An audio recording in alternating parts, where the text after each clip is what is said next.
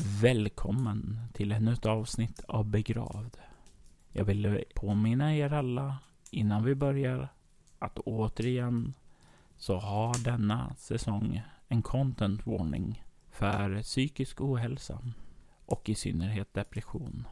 Är det här jobbigt för dig så rekommenderas du att hoppa över avsnittet. Välkommen till Face Behind the Mask. Välkommen till soloäventyret. Mitt namn är Mia Gibson och jag tar rollen som Tracy Lockwood. För några veckor sedan grävde jag mig ur min egen grav. Min gamla arbetsgivare hade kasserat mig där efter att jag misslyckats infiltrera hans dotters liv. Det finns ingenting kvar för mig i San Sebastian längre, så jag har lämnat staden. Jag har sedan dess följt andra minnen som legat djupt begravda hos mig. Minnen om en lycklig barndom. Välkommen till Begravd. Däckskriet tjuter då pickupen börjar accelerera bort ifrån huset. Tracy sitter i passagerarsätet bredvid Rose som nu gasar för att få komma bort ifrån stugan där Ripper har tagit sig in. Där Brandon nu försöker köpa er tid. Tracy, du känner eh, accelerationen och trycks lite bakåt i säten samtidigt som eh, Rose börjar köra bort ifrån hotet som kallas för Ripper.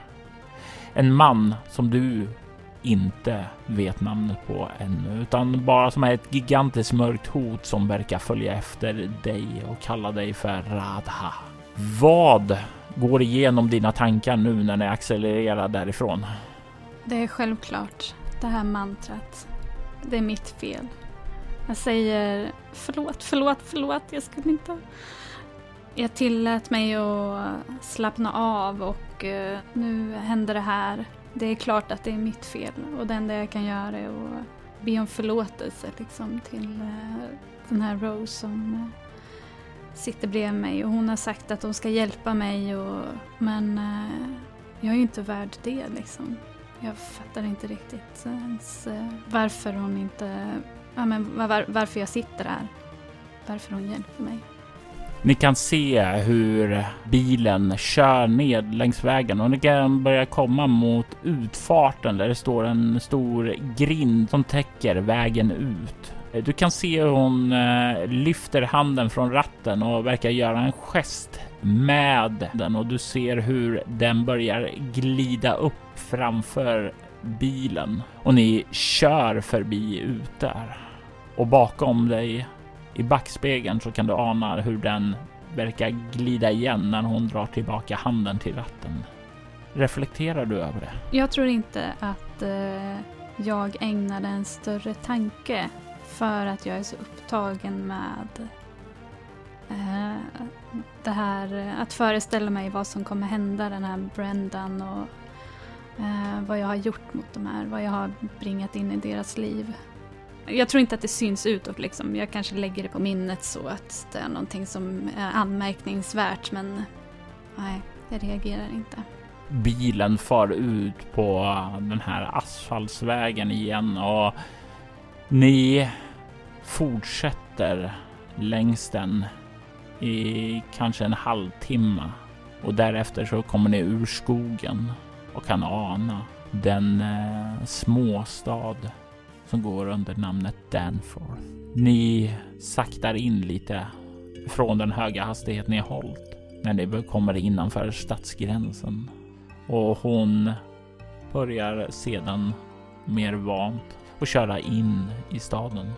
Jag tänkte ta dig till eh, ditt hem i Ravenside om eh, du inte har något annat förslag. Eh, ja, nu Uh, jag var inte riktigt beredd på det här. Jag trodde att vi skulle typ åka till polisen och även om jag har någon sorts aversion, aversion mot polisväsendet så tänker jag att det är väl sånt sådana här normala, ja kanske inte helt normala människor gör.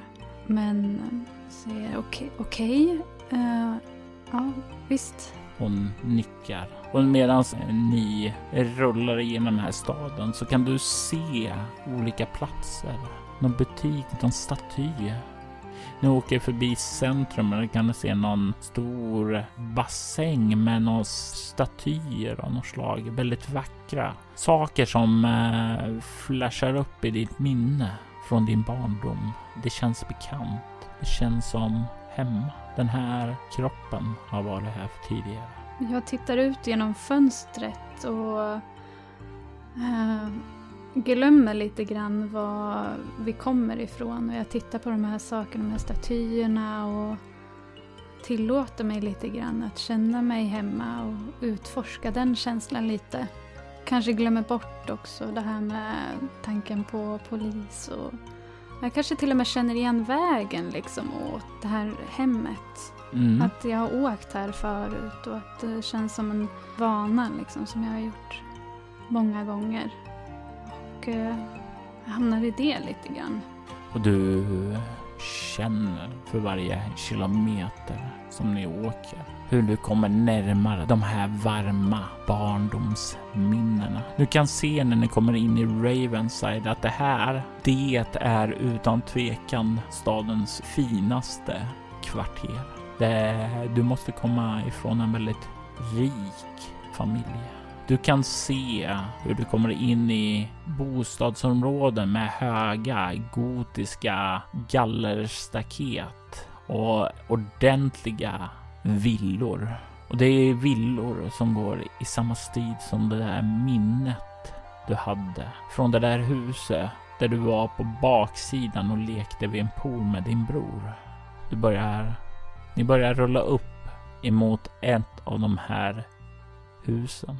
Ni börjar rulla upp emot ditt hem, ditt barndomshem. Eller den här kroppens barndomshem. Är det din kropp? Eller är det du? I alla fall ni börjar närma er. Jag blir nästan som ett barn liksom och nästan att jag trycker liksom ansiktet mot uh, rutan på bilen när jag känner igen mig och lägger handen på liksom försöker ta på det här Eh, som jag har haft i mig och som jag känner igen och som den här kroppen känner igen. Och allt det är så, det är sån kontrast eh, mot allt som jag har varit med om hittills och det som vi precis lämnade bakom oss. Jag, jag, jag, tränger undan där för det är så vackert här och eh, varmt och ja, som sagt, jag blir nästan som ett, ett barn igen. Du ser hon stanna till eh, borta vid en sån här grindtelefon och verkar trycka på den. Du väcks upp lite grann ur din eh, hänförda blick stirrandes på det här hemmet av en eh, kvinnoröst som eh, säger Ja, mitt namn är Rose och jag har med mig Megan. Och du kan höra den där kvinnan säger Megan?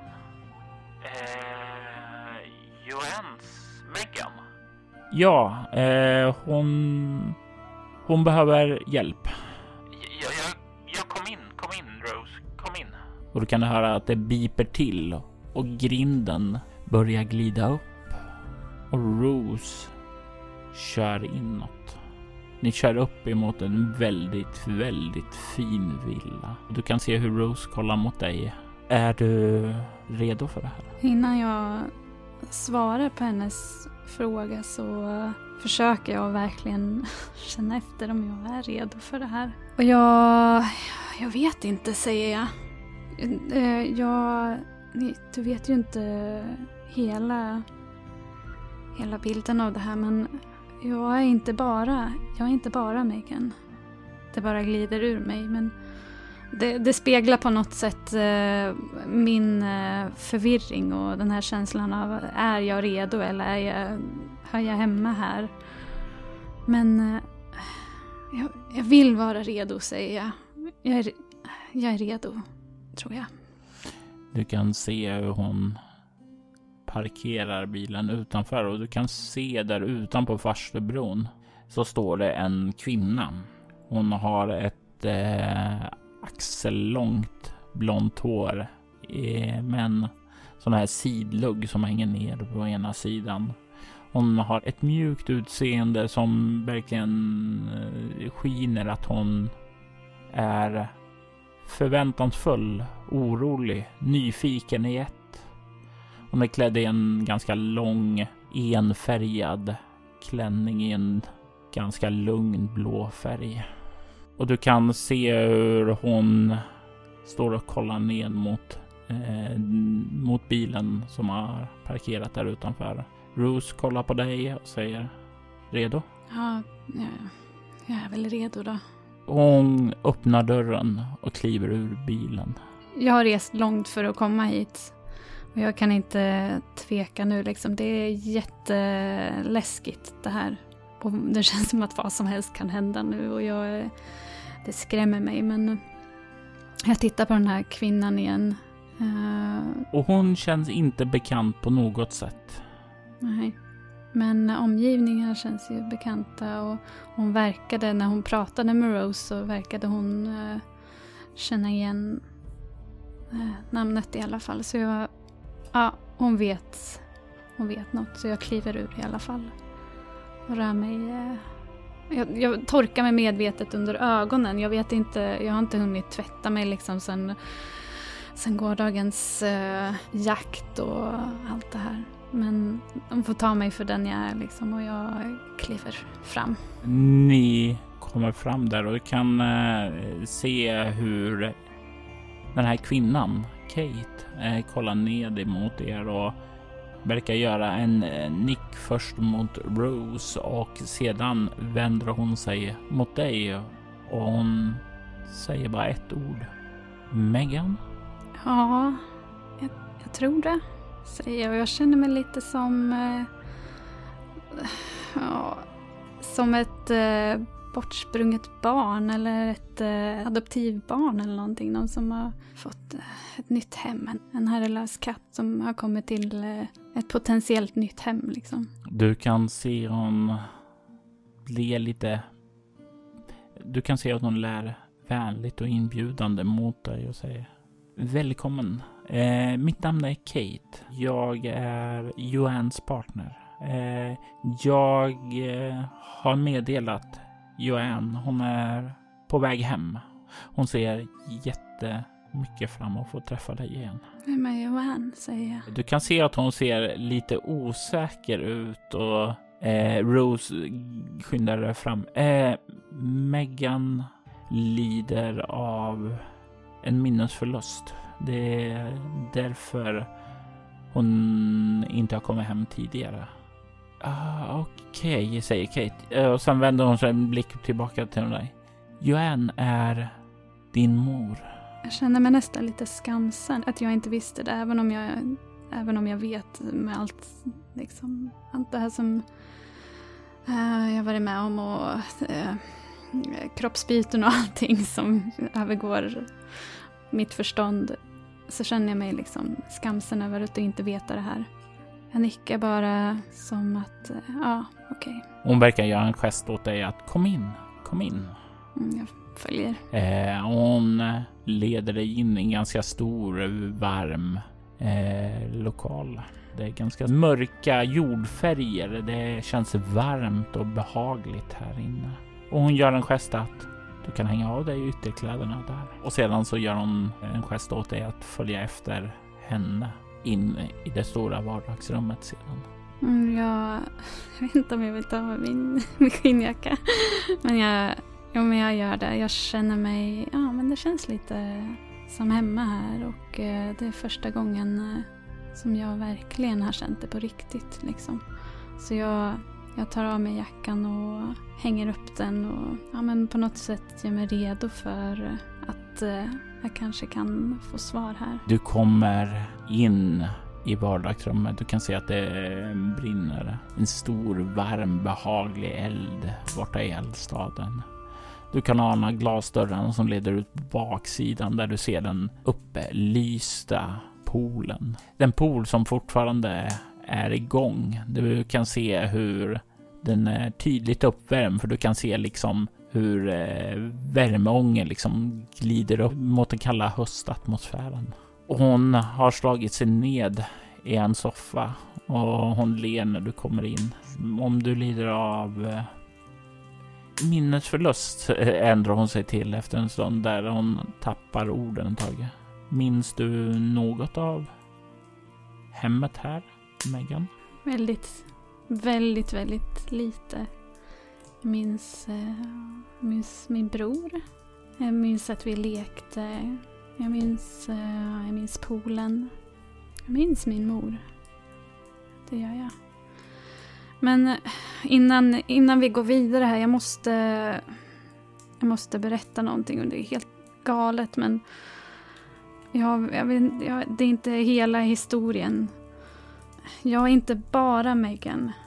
Eh, och jag kanske inte är Megan heller. Jag har... Du kan nu se hur eh, Kate ser väldigt, väldigt förvirrad ut och kollar bort mot Rose. Rose lyssnar också, men hon ser inte lika förvirrad ut utan hon verkar ta in vad du har att säga. Alltså, jag tittar lite vädjande på Rose för det känns som att hon vet mer om det här, sådana här saker än vad jag gör. Men eh, jag försöker eh, ja, bara så här bestämma mig för att ja, men så här är det, det här är inte konstigt och hon får tro vad hon vill liksom. Och jag säger att eh, jag är också Tracy, Tracy Lockwood.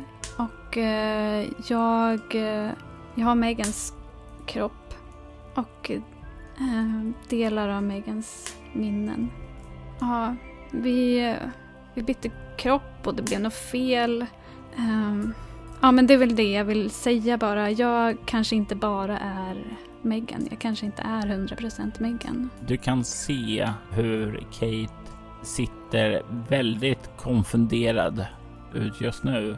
Och du ser hur Rose, som har verkligen tagit in det här du säger, eh, vänder sig mot eh, Kate och säger Tänk dig det här som ett ärende som druiderna brukar syssla med.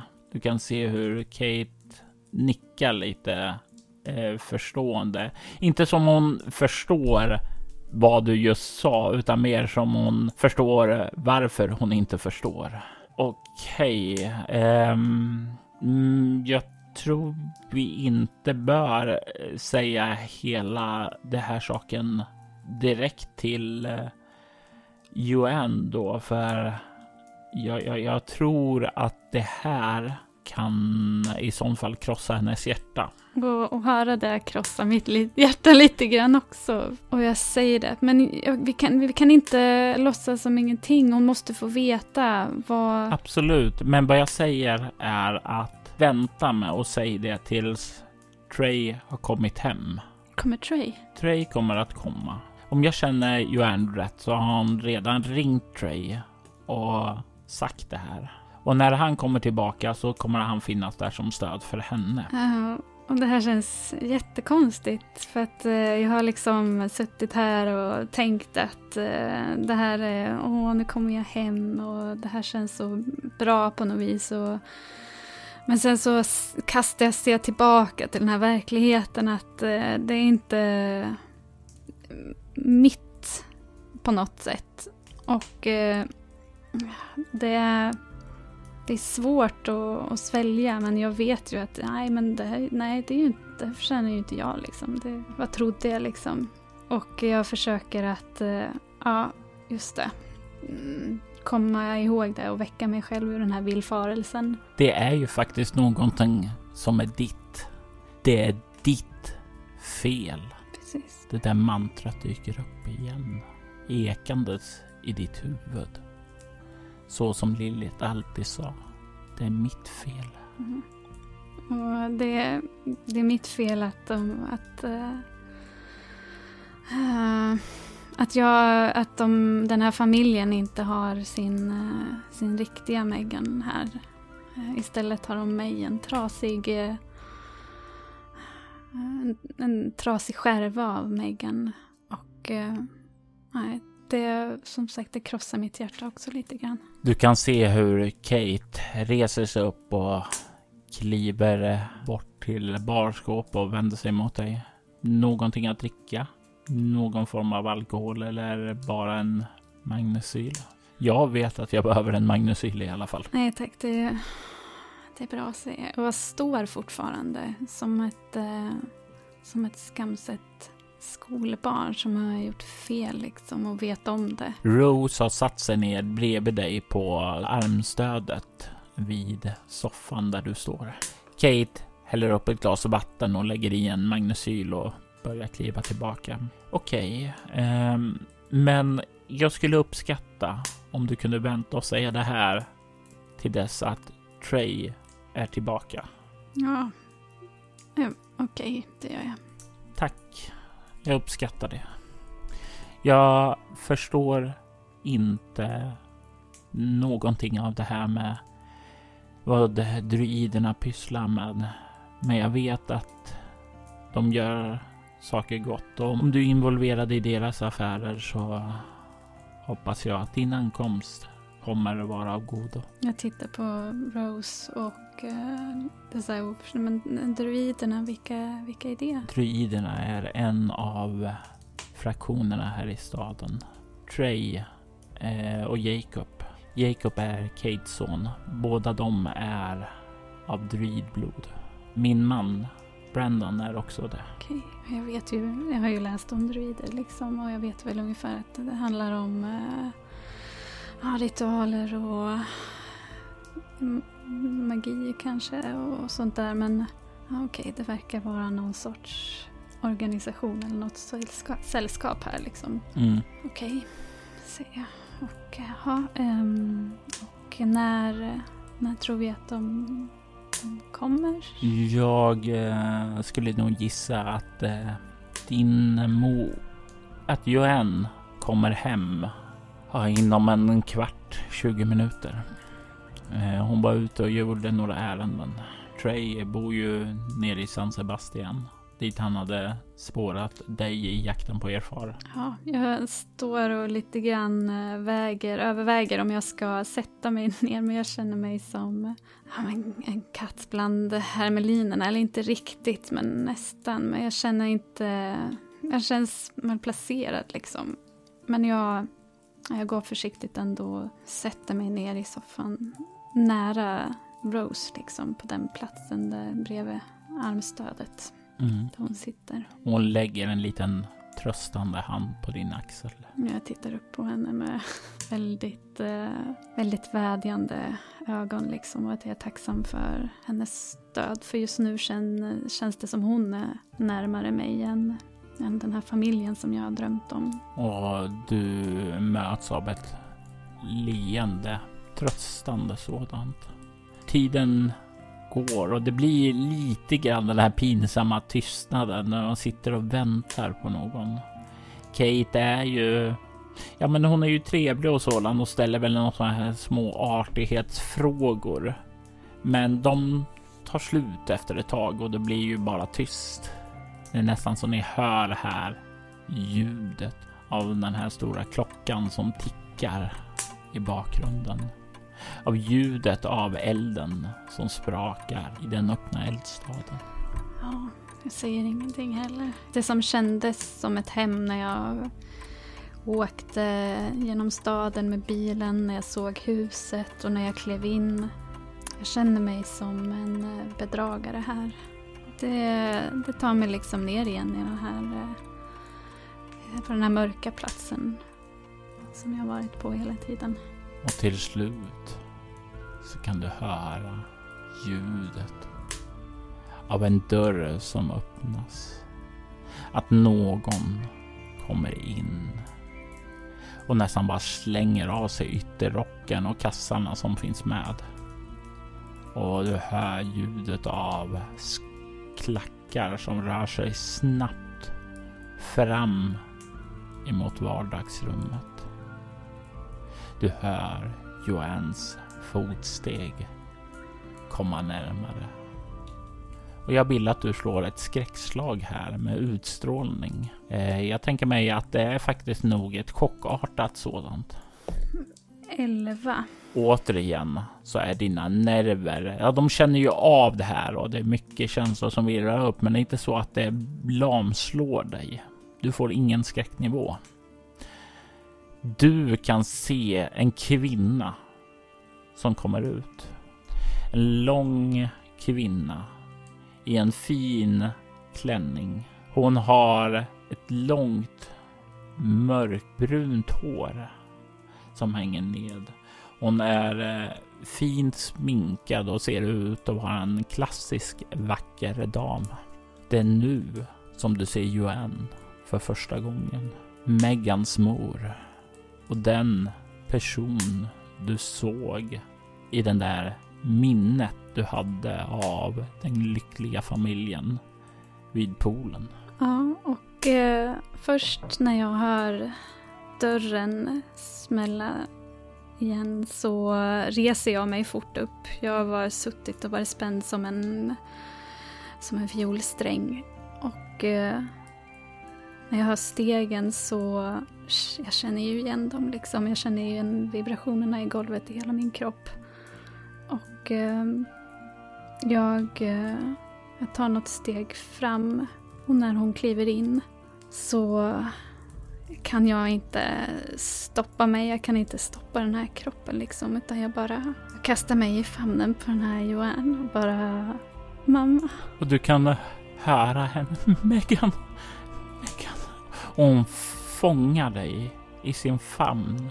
Det är som hon liksom har återfått någonting som har varit mm, förlorat henne så länge. En tomhet som hon trodde hon hade lärt sig att leva med är återbördad och för första gången på många år så känner hon sig hel igen. Hon håller emot dig. Men vad hon inte kan hålla, det är den damm som liksom har varit uppbyggd där för att hålla floden av tårar tillbaka under alla dessa år. Den svämmar över. Murbruket ger sig. Tårarna börjar välla fram. Tårar av glädjen över det faktum att hon är återförenad med sin dotter igen. Den dotter som hon förlorade för alla dessa år sedan. Och eh, jag gråter också. Verkligen, jag gråter högt liksom. Och, men jag gråter av, eh, av dubbla orsaker. Jag gråter för att jag äntligen har eh, fått återse min mamma och får känna den här värmen och få omfamna henne. Men jag gråter också för att jag vet att det är inte det är inte min mamma, det, jag är bara en bedragare liksom. Men jag tillåter mig själv att känna att hon kan vara min mamma en liten stund. För att eh, det känns bra liksom. Mitt ego får, får styra. Eh, jag behöver det här. Jag kan liksom inte stoppa mig själv, det är som en drog. Och jag bara kramar henne hårdare och hårdare och bara gråter och gråter och jag vill bara inte att det ska ta slut liksom. Och det här är ju en känsla som hon delar fullt ut. Hon håller dig hårt och ni blir stående där i minuter. Nej, inte minuter. Längre än så. Ni vet inte om det har gått halvtimme eller en timme när ni till slut liksom bara släpper taget om varandra. Och du kan se hur hon liksom sjunker ned på knät framför dig. Hon kommer liksom lite under dig och ser upp till dig och liksom låt, låt mig få se dig. Min vackra underbara dotter, säger hon och för upp sina händer och fångar liksom din dina kinder i sina händer och du känner hur de är varma och behagliga när de håller tag där. Så bekant. Så som hon alltid gjorde när du var liten, Megan. Åh, det känns fel. Men jag vill bara att hon ska vara min mamma, och att jag ska vara hennes Megan, och att jag ska vara vacker liksom i hennes ögon. Men jag vet att jag är ful och jag är dålig och det är mitt fel att hon... Att, att jag står här som en eh, kameleont som bara låtsas. Men jag, jag låter det vara, jag låter henne få vara min mamma och eh, jag tillåter mig själv att vara hennes dotter Jag vet inte om jag vågar se henne i ögonen, hur mycket jag än vill. Jag, jag bara blundar och bara gråter på något sätt. Och um, är fryst i det liksom. Det känns konstigt att hon står på knä framför mig på något vis. Som att jag skulle vara någon sorts upphöjd varelse liksom. Men samtidigt kan inte jag göra mer. Jag bara står. Hon drar dig in i en ny omfamning och liksom snörvlar dig rätt in i magen där hon hamnar med sitt huvud. Du står ovanför henne, känner de välbekanta dofterna från din mor. När du liksom står och ser ned på henne där hon befinner sig framför dig. Mm, jag, jag tror faktiskt att jag omfamnar hennes huvud. Kanske till och med tillåter mig själv att uh, luta mig ner och lukta henne lite i håret. Det är så bekant. Det är, det är så som din mamma alltid har luktat. Den här doften som du inte visste var en av de bitar i ditt liv som saknades. Ja, det här doftminnet som tillhör den här kroppen när det tar över liksom och uh, ja, jag, det tar mig tillbaka till uh, ja, men, eh, godnattstunder, eh, stunder av eh, tröst efter eh, skrapsår ute på, på vägen när jag lärde mig cykla och ja, jag bara är Megan liksom på något sätt. Och uh, tiden, den känns ju som den står stilla där. Men tiden står ju aldrig stilla. Den förflyter. Kate har försvunnit ut ur rummet. Detsamma med Rose för att lämna er ostörda för den här återföreningen. Du eh, kan se hon motvilligt släpper dig igen och reser sig upp och tar dig i handen för att liksom leda bort dig till soffan. Låter du henne göra det? Ja, det gör jag nog. Men samtidigt är det någonting i mig som eh, en, eh, ett ord som har eh, under hela tiden som jag har stått här och känt att jag har varit Megan så har det ett ord ekat i mig bakom allt det här. Förlåt, förlåt, förlåt. Och det kommer ut på mina, över mina läppar till slut som en viskning. Förlåt, förlåt. Och jag bara följer henne. Jag gråter ju fortfarande liksom, men eh, jag följer henne ändå. Hon sätter sig ner då. Eh, när du slår dig ner bredvid henne så lägger hon sin hand på din axel och säger Du behöver inte be förlåt. Det det var mitt fel. Jag borde ha berättat för dig om Aston. Jag borde ha berättat för dig om din far. Jag borde ha gjort så mycket annorlunda så att du inte kände att du skulle behöva smussla med ditt sökande. Jag önskar att du inte hade känt att du behövde det. Och jag önskar att du inte hade förlorat all den här tiden för att jag var hjärtkrossad för att jag inte var beredd att tala om din far. Förlåt, förlåt. Och jag vet ju inte vad hon pratar om egentligen. Och det här är, det är ju Megans historia liksom. Och jag eh, kanske lite grann faller ur den här rollen som Megan. Och, men jag känner ändå att jag har någon sorts eh, eh, jag har en empati för den här historien och jag kan se bilder framför mig hur det här, allt det här som hon berättar har gått till. Mm, men jag, ja, jag, jag lyssnar bara liksom för det är ändå, det är ändå pusselbitar om, om mig på ett sätt. Jag vill att du slår ett slag för ditt pusselläggande här. Ett lätt slag med ego plus humaniora. 12. Namnet Aston känns igen. Dels som Megans far, men även som Tracys chef, Mr Aston Rains. Tracy och Megan sammanlänkade av en man. Mm. Jag vet också att eh, vad mitt uppdrag var nu. Eh, vilket var att egentligen ta över Megans liv. Och eh, ja, nu, nu har jag gjort det. Liksom. Nu sitter jag här med Megans mamma och låtsas att jag är hon. Till den grad att jag eh, nästan tror att jag är Megan, fast jag inte är det. Och den här mannen, eh, Mr Rains, hans inblandning i det här eh, gör mig lite, lite arg på något sätt.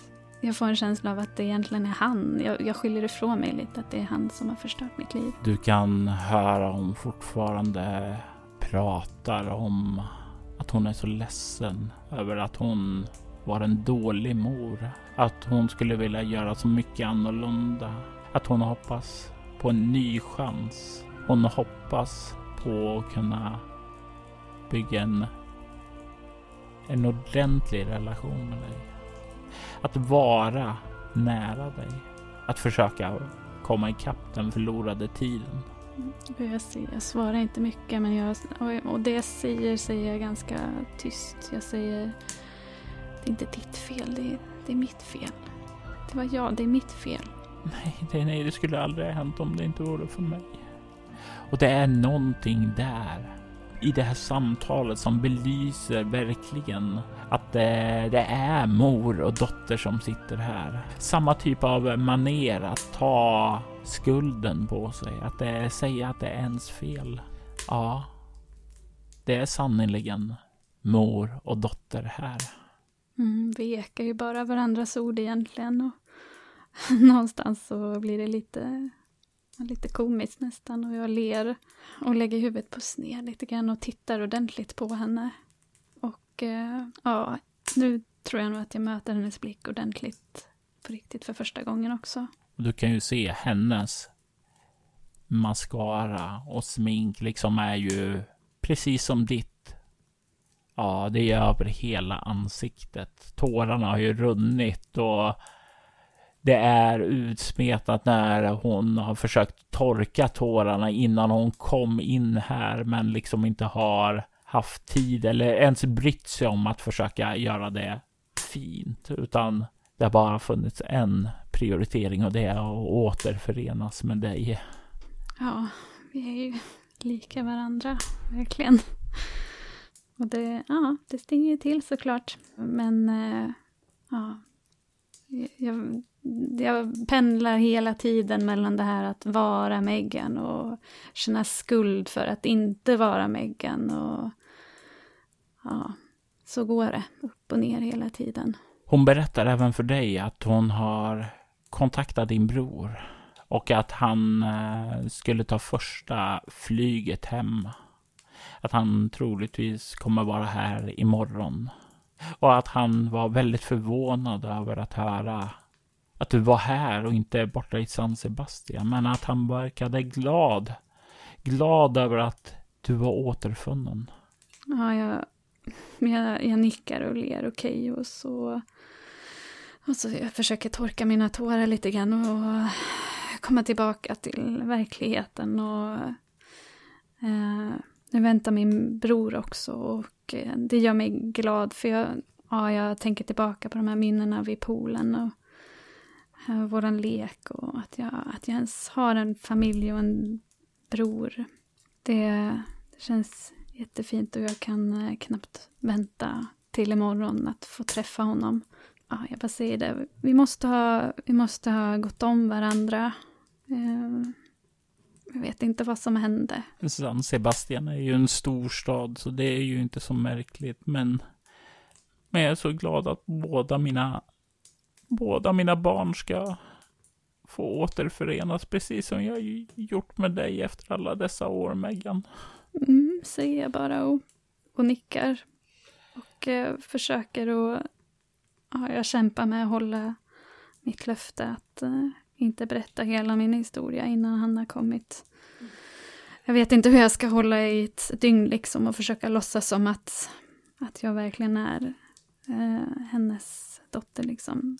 Det kanske blir lätt. Jag vet inte, men samtidigt bränner det i mig verkligen. Eh, ja, Tracy vill ju bara säga att ja, men du är ju inte Megan liksom. Så ja, där sitter jag. Under den här tiden som förflyter så kommer ju eh, du att eh, märka att Kate kommer in och eh, frågar eh, om hon ska göra ordning maten och göra ordning ditt gamla rum och sova i natt och eh, frågar om du har några matallergier som hon bör tänka på eller några särskilda eh, kostvanor.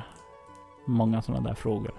Jag är, bara, jag är bara glad att jag bara nickar när hon frågar om hon ska göra ordning mitt rum och jag känner att jag vill jag vill, jag vill till mitt rum, liksom. det är mitt rum. Jag vill gå dit och titta och minnas och det här med maten, det kan vara liksom... Får jag gå upp, säger jag? Absolut, absolut. Eh, låt mig leda dig till ditt rum. Låt mig visa dig till ditt rum. Eller hittar du dit själv, säger Kate. Jag tror jag, jag, tror jag hittar, säger jag. Och så är det ju. Du har inga problem att hitta dit på egen hand. När du lämnar vardagsrummet med din mor och de andra och börjar kliva upp däråt, hur känns det? Det känns bra. Jag går upp till mitt rum, liksom. Till mitt rum. Jag försöker föreställa mig lite hur det såg ut förr. Och eh, Eh, jag funderar lite över hur det har förändrats. Eh, om det kanske är dammigt eller om mina saker. Det där. Sånt där som man gör när man återser ett, sitt gamla rum, liksom, sitt barndomsrum. Eh, som att det verkligen var mitt. Du känner igen det här. Du får minnen från det. Minnen från tonåren då du bodde här. Och du får en känsla av att det har stått orört sedan dess. Att det inte har flyttats någonting. Men det är inte dammigt så någon verkar ändå städa här inne för att hålla det fint. Men det är ju ett rum från en annan tid. En tid då du var ung och en helt annan person, Megan. Mm. Ung och eh, inte lika trasig och splittrad. Och eh, den kontrasten påminner ju mig såklart om tingens eh, egentliga verklighet. Liksom. Men eh, det är fint att vara tillbaka och jag känner lukten liksom, av det här rummet som är mitt och det känns ännu mer som hemma. Jag har spenderat så mycket tid här och jag, jag drar ett djupt andetag och ser mig om i rummet och går runt och känner på allting. Inte helt olikt som jag gjorde i uh, mitt, i Tracys, i mitt hus. Uh, ja, jag går och känner på sakerna, lyfter kanske på någonting och uh, ja, bara ser mig runt. Du hittar i golvet vid sängen en trälist som verkar kunna lyftas undan. Och när du gör det så kan du se det en bok instucken där, en anteckningsbok. Mm. Jag ser mig om, är de, de andra inte kvar liksom? De Nej. andra har inte följt dig Nej, upp hit utan Nej. du är ensam här. Ja. Men jag ser mig ändå om för att det här känns hemligt liksom. Men eh, de är inte där så jag tar upp den här boken och eh, sätter mig på sängen och öppnar den. Och du kan se den eh, 16-åriga Megans många, många anteckningar. Och en eh, sökande efter sin försvunnen far. Alla små detaljer som man kan hitta om honom. Vilka vänner han hade när han var ung platser han kunde tänkas befinna sig på. Detaljer som verkar vara vaga minnen. Allting bevarats i en tonårings desperata sökande efter sin far. Den far som verkar ha övergett henne. Och du kan också hitta ett familjefoto på Aston, Joanne, Trey och dig och du kan se att det är vältummat. Som om den unga Megan har hållit i det här fotot under många, många kvällar. Ja, Jag tittar på det så säger jag bara tyst för mig själv. Ja, och se vart det tog dig. Um, det, det, ja, här är vi nu efter allt det här. Den desperata besattheten, liksom en tonåringsbesatthet. Se vart det har tagit dig, vart det har tagit oss. Jag blir lite arg på Megan, jag blir lite arg på mig själv, jag blir lite arg på Aston, Rains och eh, jag slår ihop den här boken. Det var här det började på något sätt med det här sökandet. Och eh, ja, det stör mig. Lägger du tillbaka boken? Nej, jag bara kastar den bredvid mig på sängen. Ja. Du har kommit hem. Om inte till ditt hem så åtminstone till Megans hem. Din bror är på väg hem och du har gett ditt löfte att hålla hemligheten för Joanne om ditt sanna jag tills dess att han är hemma. Imorgon skulle han komma. Imorgon skulle din bror komma. Och vem vet vad som kommer att ske då.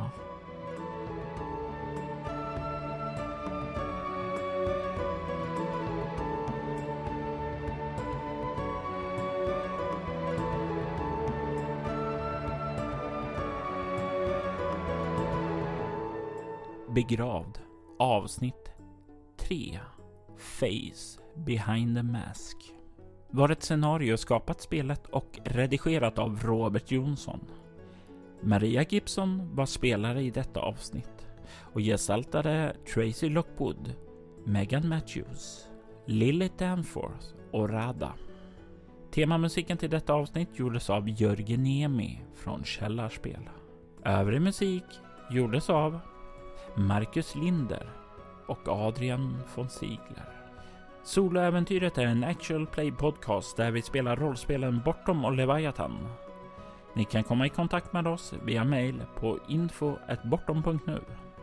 Det går även bra att följa oss på Instagram och Twitter på @spelabortom som Soloäventyret och Bortom på Facebook samt på bortom.nu. Tack för att ni har lyssnat.